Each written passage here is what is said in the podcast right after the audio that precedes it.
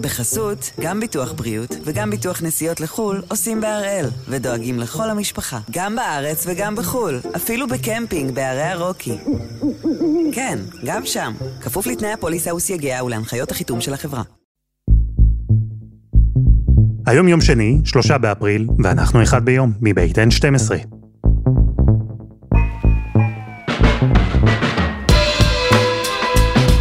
אני אלעד שמחיוף, ואנחנו כאן כדי להבין טוב יותר מה קורה סביבנו, סיפור אחד ביום, בכל יום.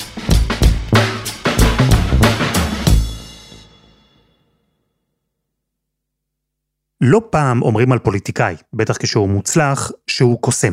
אבל האם ידעתם שנשיא צרפת, עמנואל מקרון, הוא באמת קוסם? בחיי.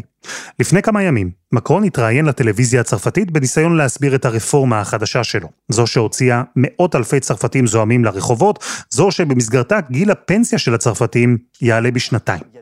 מקרון דיבר, בלהט, נופף את הידיים, אפשר אפילו לשמוע קול נקישה בשולחן.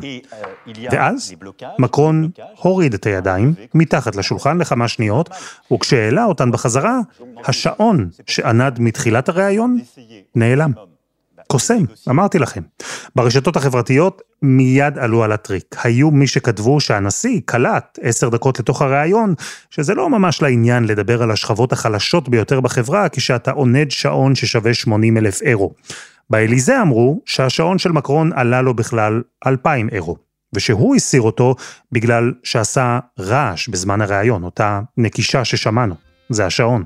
כך או כך, 80 אלף או 2,000, זו הייתה הזדמנות מצוינת למתנגדים של מקרון, למתנגדים של הרפורמה שלו, לתקוף את הנשיא. לומר שהוא מנותק, שהחוק שלו יהפוך את צרפת למדינה שהיא כבר הרחק מהסוציאליזם, היא מדינה קפיטליסטית, מונדיה.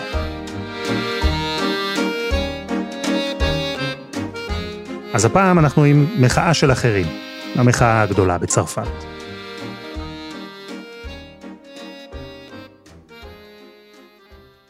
שלום ארד ניר. שלום אלעד. מאות אלפים ברחובות כבר שבועות. יש אלימות, יש ביקורת עצומה, והכל על העלאת גיל הפרישה מ-62 ל-64, זה כל הסיפור? תראה, הצרפתים אה, זה סוג של עם שעובד בשאיפה לחיות. הם עובדים כדי לחיות, והחיים מבחינתם מתחילים כשמפסיקים לעבוד. כלומר, הם מחכים כל החיים לפנסיה.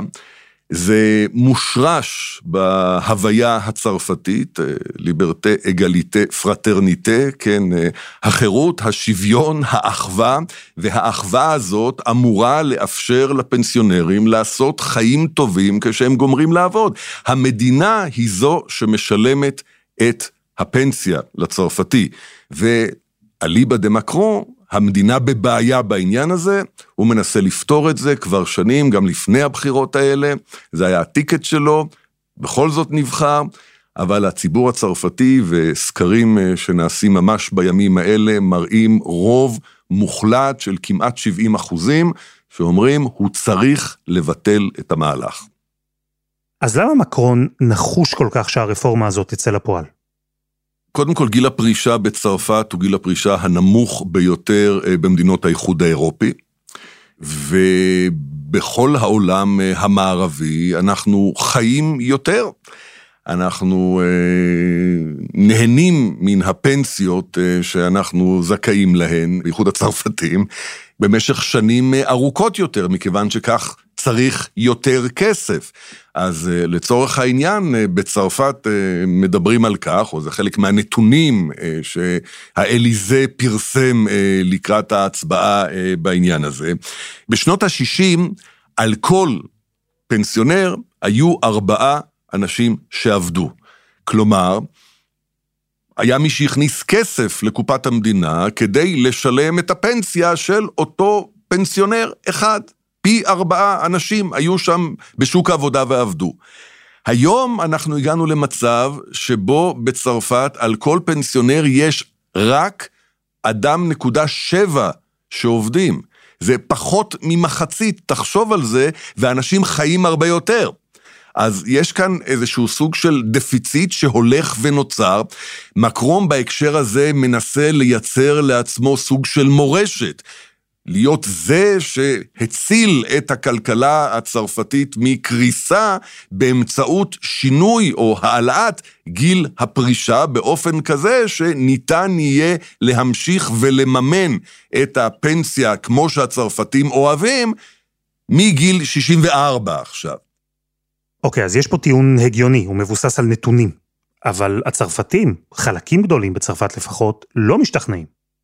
כן, כן, אה, אה, אה, ברגע שהוא העלה את זה שוב לסדר היום, המחאה התחילה. בכל צרפת, בשבוע האחרון מדברים על זה שכמיליון צרפתים, קרוב למיליון, כמה מאות אלפים בתחומים הגבוהים, יצאו לרחובות כדי להפגין את מורת רוחם. כשהצרפתים עושים את זה, הם לא מרחמים.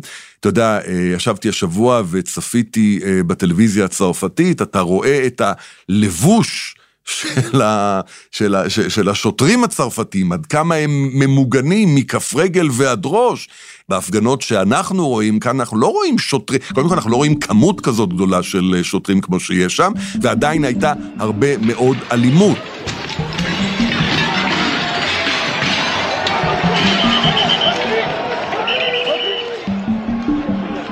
בית העירייה של אה, בורדו עולה בלהבות, עולה באש. הם זורקים חזיזים, הם זורקים בקבוקי תבערה, הם לא מוותרים. יש שביתה של אה, עובדי התברואה בפריז. ערימות האשפה עולות ומתרוממות אה, השמיימה, ויש הפגנות, ויש אי סדרים בטיסות, ויש אי סדרים ברכבות, והכל, הכל כחלק ממחאה שלא עוצרת. אבל בכל זאת, ארד, הנתונים הם מאוד חד משמעיים. אז מה המוחים מציעים? מה שמציעים מנגד, אומרים לו, תעלה מיסים. יש אה, אנשים אה, עשירים אה, בצרפת, קח מהם יותר כסף. מקרון אומר, לא, את זה אני לא רוצה לעשות, מכיוון שגם כך רמת המיסוי בצרפת היא מהגבוהות באיחוד האירופי, וזה יקשה גם כן על הכלכלה ב... תחומים אחרים שלה, ואת המהלך הזה הוא לא מוכן לעשות. אבל כן, ארגוני העובדים אומרים, יש דרכים אחרות, תעלה מיסים. ואת זה אמרת, מקרון לא היה מוכן לעשות, הוא נחוש להעלות את גיל הפרישה, הוא הסביר שבלי הרפורמה הזו, מערכת הפנסיה בצרפת פשוט תקרוס, איתה גם הכלכלה הצרפתית. ומקרון משוכנע עד כדי כך שלמרות המחאה ולמרות הביקורת, הוא התעקש להעלות את החוק להצבעה בפרלמנט. הוא מנסה להעביר חקיקה באספה הלאומית, הוא בסופו של דבר לא הצליח אה, להגיע אה, למספר האצבעות הנדרש, הוא הבין את זה לפני אה, תום ההצבעה, ומכיוון שכך, הוא מפעיל סעיף בחוקה הצרפתית מימיו של דה גול, מנסח החוקה הנוכחית. הסעיף הזה מאפשר לו להעביר את החוק בלי הצבעה בפרלמנט, בתנאי שאחרי שהוא מעביר את החוק, הוא מצליח לעמוד בהצבעת אי אמון. כלומר, זה לא רק שמקרון קידם רפורמה שהיא מאוד שנויה במחלוקת, גם אחרי שהתברר לו שאין לו רוב בפרלמנט, הוא העביר אותה בכל זאת בצורה שהיא בעצמה שנויה במחלוקת, בסוג של צו נשיאותי, הכל מתוקף סעיף ישן בחוקה הצרפתית. חד משמעית. הכל חוקי כרגע, אבל מסריח מבחינתם אה, של אה, הצרפתים, אה, הרוב הגדול, הרוב המכריע של הצרפתים, חושבים שבאופן הזה לא מעבירים כזה חוק. זה חוק שהוא מבחינתם חוק ליבתי, זה חוק אה, אה, מאוד מאוד משמעותי, זה לא מוסרי להשתמש בסעיף הזה בחוקה כדי להעביר אותו.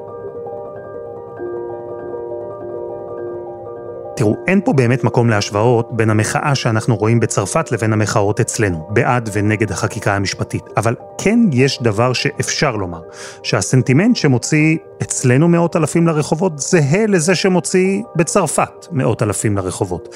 תחושה שהמדינה שהם מכירים, שהם מעוניינים בה, נעלמת להם בין הידיים.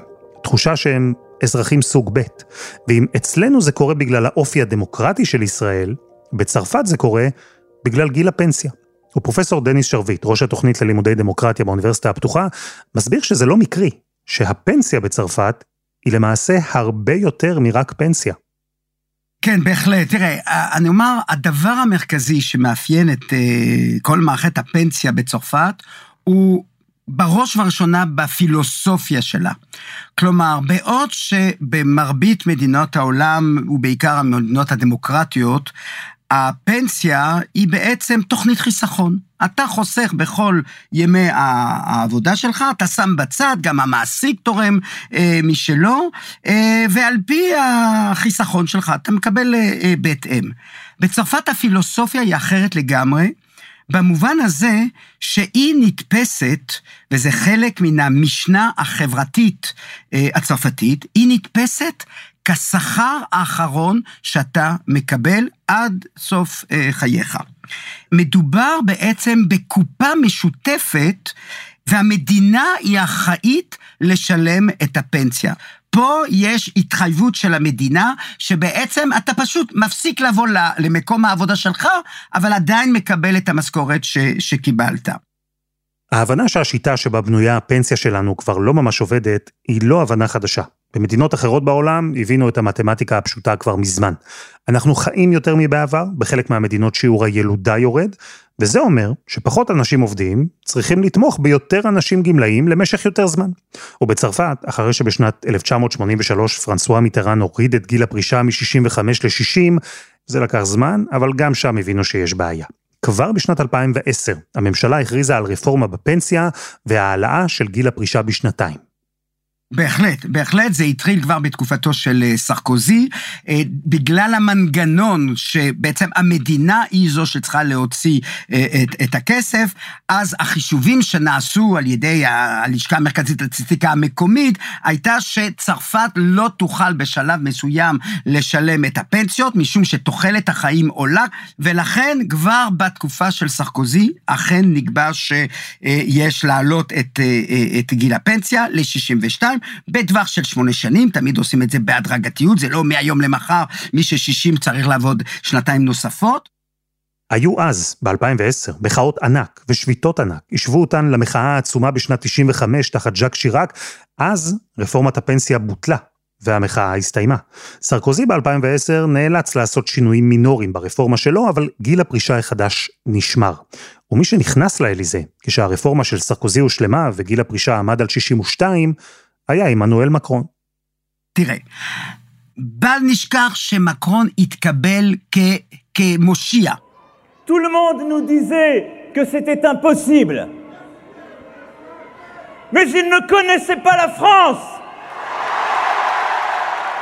זה היה ב-2017, אני מזכיר לך, אה, חצי שנה לאחר שטראמפ נבחר. והצרפתים ראו את זה כאסון. ואני זוכר את הרגעים הללו כשהוא נבחר, הוא היה בן 39, ואמרו, הנה, חדשות טובות לעולם, צרפת מבשרת איזה משהו חיובי. גם אל תשכח שזה בא אחרי השנתיים הקשות, הארורות של הפיגועים הגדולים. כניסתו של מקרון לחיים הפוליטיים נתפסה במונחים של אה, אה, אוטופיה. הדימוי שלו היה של מישהו שבא מן השמאל, אבל מבין היטב את האילוצים אה, שבהם צרפת נמצאת.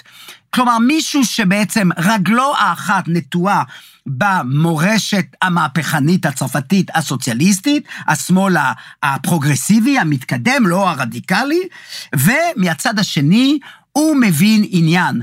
הוא דובר אנגלית אה, אה, רהוטה, הוא אה, אה, אה, היה באמת בבנק רוטשילד, הוא גם היה צעיר, גם תיקח את ההיבט האישי, שהוא uh, בעצם נשוי לאישה מבוגרת ממנו בהרבה, אין לו ילדים משלו, עוד דבר שנתפס כחריג, הוא נתפס כמשהו חדש בצרפת, והוא יביא ויאחד את כולם, כי הוא מבין לשני הצדדים.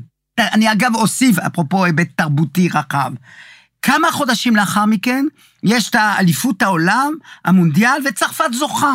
כלומר, החצי שנה הראשונה של מקרון, אני חושב שכל מי שנשיא בכל מדינה שהיה חותם על התחלה שכזאת. מקרון כונה בלגלוג הבנקאי. ובאמת, הוא עבד בעברו במגזר הפיננסי. היו לו המון רעיונות לשיקום הכלכלה הצרפתית. ובתוך שנה מהרגע שנבחר, ההתחלה המטאורית של מקרון התחלפה במשבר ענק. הוא החל להסתבך, ובעיקר מול האפודים הצהובים. דווקא הנה, בדיוק פה דבר שהוא לא קלט. הוא רצה להיות סביבתי מאוד, הוא אמר, תראו, משבר אקלים, צריכים עכשיו, צרפת צריכה להיות מעצמה סביבתית, צריך לשים את זה את הדגש, וככה הוא, הוא, הוא קרץ להרבה מאוד צעירים. אז הוא הטיל מס על מי שמשתמש ברכב, מבלי לקחת בחשבון, אה, וזה פיצול שקיים בחברה הצרפתית, שאף פעם לא צריך לשכוח אותו, בין העיר לכפר. הרי בפריז, אני יכול להעיד על כך, מרבית החברים שלי לא מחזיקים ברכב. כי אתה לא נוסע בפריז ברכב. יש לך מטרו, יש לך אה, אה, אוטובוס, יש לך מונית, אין לך רכב פרטי. אבל מי כן יש לו רכב פרטי? בכפרים. כי בית הספר הוא כבר לא קרוב, אתה צריך לנסוע כמה קילומטרים, החנויות הכל בו גם כן נמצאים באיזה מו"ל, אה, באיזה קניון שנמצא חמישה עשרה קילומטרים וכולי וכולי. ואז בעצם אנשי הפרובינציה, כן, אמרו, מה זה המס הזה? אז זה מס שלא יוטל על הפריסאים, כי לרובם אין רכב, הוא יוטל עלינו, כי אנחנו, לא רק שיש לנו רכב פרטי, אנחנו משתמשים בו יום-יום, ולא קילומטר אחד או שניים, אלא אה, אה, 20-50 ביום. בצרפת דיברו אז, עוד לפני מחאת האפודים הצהובים, אבל במיוחד אחרי שהיא פרצה, על שתי צרפת. צרפת הראשונה, המטרופולינית, וצרפת השנייה, הכפרית. המעמד הגבוה מול המעמד הנמוך, מעמד הפועלים. ומקרון קוטלג על ידי רבים כמי שפועל בעיקר לטובת צד אחד. אלא שאז המציאות הובילה לטוויסט בעלילה. הבנקאי, הנשיא שנתפס כמי שדואג רק לשכבות החזקות, לעיר הגדולה, הגיעה הקורונה, ואותו נשיא היה חתום על כמה מהצעדים הכי סוציאליסטיים שצרפת ידעה אי פעם. המדיניות של מקרון הייתה, וזה היה ביטוי שהוא השתמש בו, וכולם מכירים את הביטוי הזה, הוא נכנס ללקסיקון הפוליטי הצרפתי, quoi qu'il en. מה שזה לא יעלה. כלומר, לא מטריל לחלק מי שמקבל קר וכר, לא, לא. כל המשכורות ישולמו, אני פוטר את כל המעסיקים מתשלומי המשכורת בכל מחיר. ואכן הוא שילם את המחיר. זה מה שאגב הקנה לו את הניצחון בבחירות. משום שאכן הוא הצליח לחלץ את צרפת מן המשבר, ולכן הוא נבחר.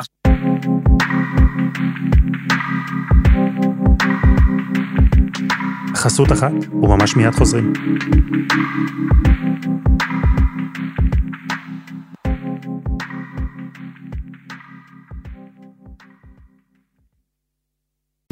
בחסות, גם ביטוח בריאות וגם ביטוח נסיעות לחו"ל עושים בהראל, ודואגים לכל המשפחה, גם בארץ וגם בחו"ל, אפילו בקמפינג בערי הרוקי. כן, גם שם, כפוף לתנאי הפוליסה וסייגיה ולהנחיות החיתום של החברה. אנחנו עם רפורמת הפנסיה של הנשיא מקרון בצרפת, רפורמה שהוציאה מאות אלפי צרפתים לשבועות של מחאות. ואנחנו עצרנו בקורונה, כשאפילו המתנגדים של עמנואל מקרון מהשמאל הסוציאליסטי ביותר בצרפת, לא היו יכולים לומר שהוא מושך את צרפת לכיוון קפיטליסטי, לכיוון ארצות הברית, כי מקרון אמר אז, בקורונה, יעלה מה שיעלה, והוציא עשרות מיליארדים בהטבות. ולא מעט בגלל זה. וגם בגלל משבר פוליטי עמוק שצרפת חווה בשנים האחרונות, והותיר את מקרון בלי אלטרנטיבה אמיתית, ב-2022 הוא נבחר לכהונה שנייה.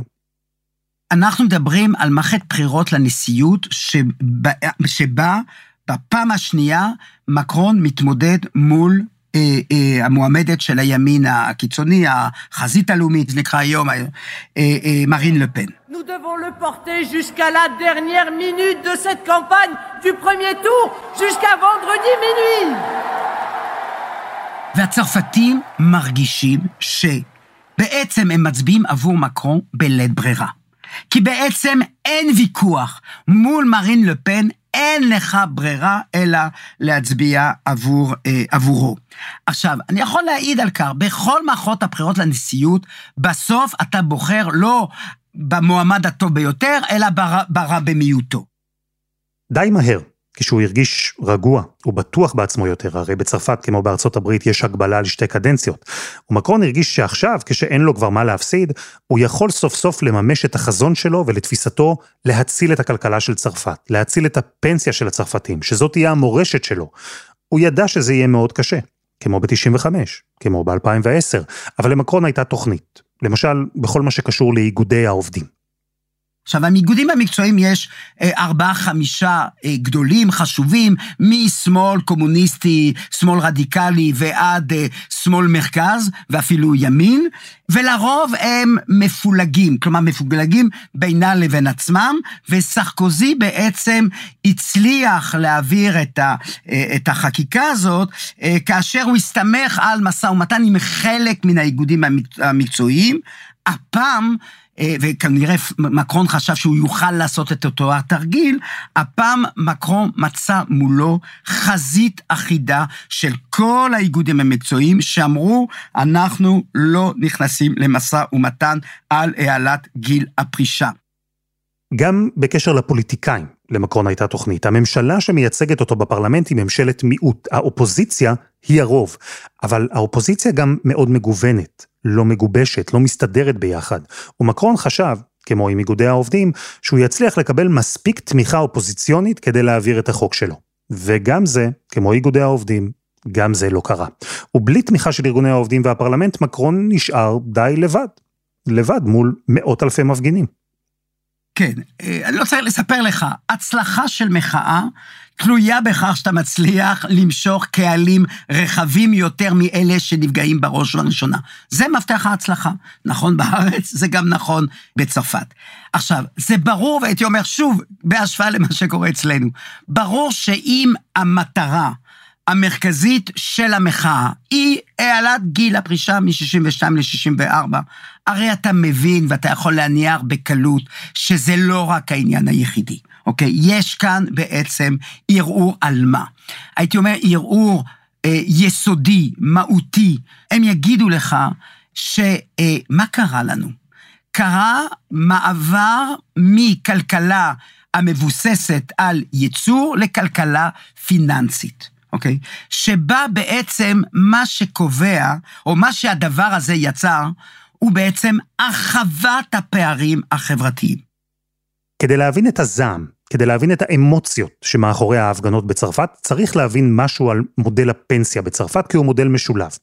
גיל הפרישה המינימלי לפני הרפורמה של מקרון היה באמת 62, הנמוך ביותר באירופה. בגיל הזה יכול היה לפרוש רק עובד שהפריש דמי פנסיה 40 שנה, כלומר מישהו שהתחיל לעבוד בגיל 22. אחרים, מי שהתחילו מאוחר יותר, או לא הפרישו במשך 40 שנה, הם בכל מקרה יצאו לגמלאות בגיל 67. כמו לא מעט מדינות אחרות בעולם. וכשמבינים את זה, אפשר להבין משהו על המחאה, כי היא לא מדברת על כלל העובדים, היא לא מדברת על כלל הצרפתים, אלא רק מי שנתפסים בצרפת כעובדים החלשים, כצרפתים החלשים, אלו שיצאו לעבוד בגיל מאוד צעיר.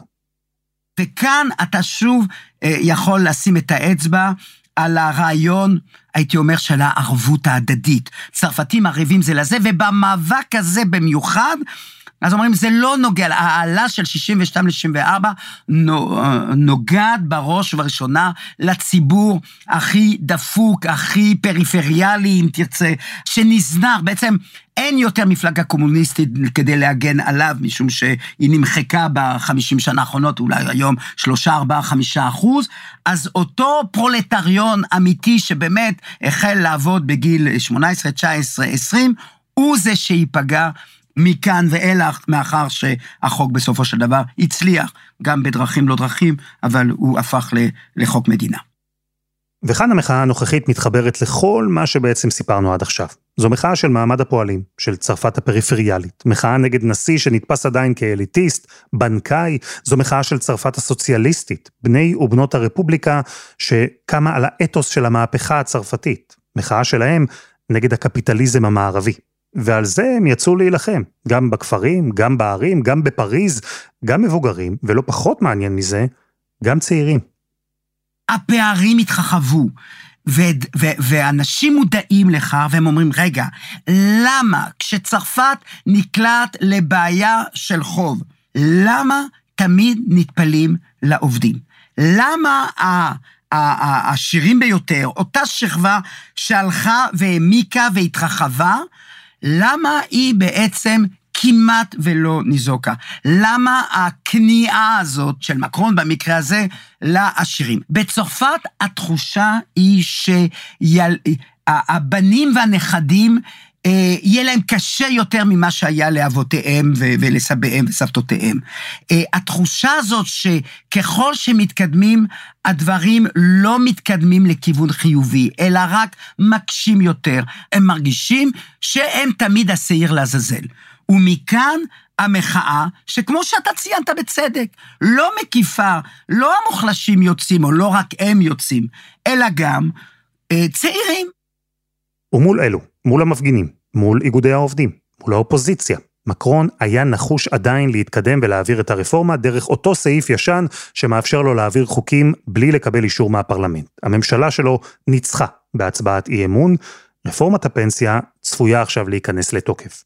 פרופסור שרביט, המחאות ממשיכות. מקרון יצא מזה? הוא חייב לצאת מזה, אני לא יודע באיזה מחיר הוא יצטרך לשלם, אם זה חקיקה חברתית בתחומים אחרים, אבל הוא חייב לעשות את זה, כי עומדות לפניו ארבע שנים. ארבע שנים זה המון. הוא יהיה משותק כל הארבע שנים הללו, זה יהיה אה, אה, מאוד בעייתי. אני לא מוציא מכלל אפשרות שבשלב מסוים, אם הוא לא יצא מהמשבר, הוא יפזר את הפרלמנט. מה עכשיו הסכנה? ופה נחזור למה שקורה היום, התחושה של צרפתים רבים היום היא שבגלל האטימות של מקרון, הסירוב שלו לדון, לפתוח מחדש את הסוגיה הזאת, הדבר הזה עלול לדחוף מצביעים רבים לימין הקיצוני, ההוא רימה אותנו, ההוא לא סיפק לנו את הסחורה, לא הצליח אה, אה, להתמודד עם, ה, עם הקרעים בחברה הצרפתית, אז אולי היא אה, צריכה, אנחנו צריכים לנסות אותה סוף סוף. אה, וזה החשש.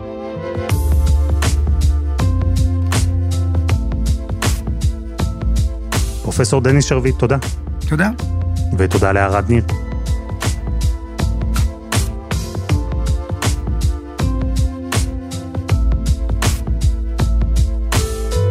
וזה היה אחד ביום של N12, אנחנו מחכים לכם בפייסבוק, חפשו אחד ביום, הפודקאסט היומי. העורך שלנו רום אטיק, תחקיר והפקה, רוני ארניב, עדי חצרוני ודני נודלמן, על הסאונד יאיר בשן שגם יצר את מוזיקת הפתיחה שלנו, ואני אלעד שמחיוף, אנחנו נהיה כאן גם מחר.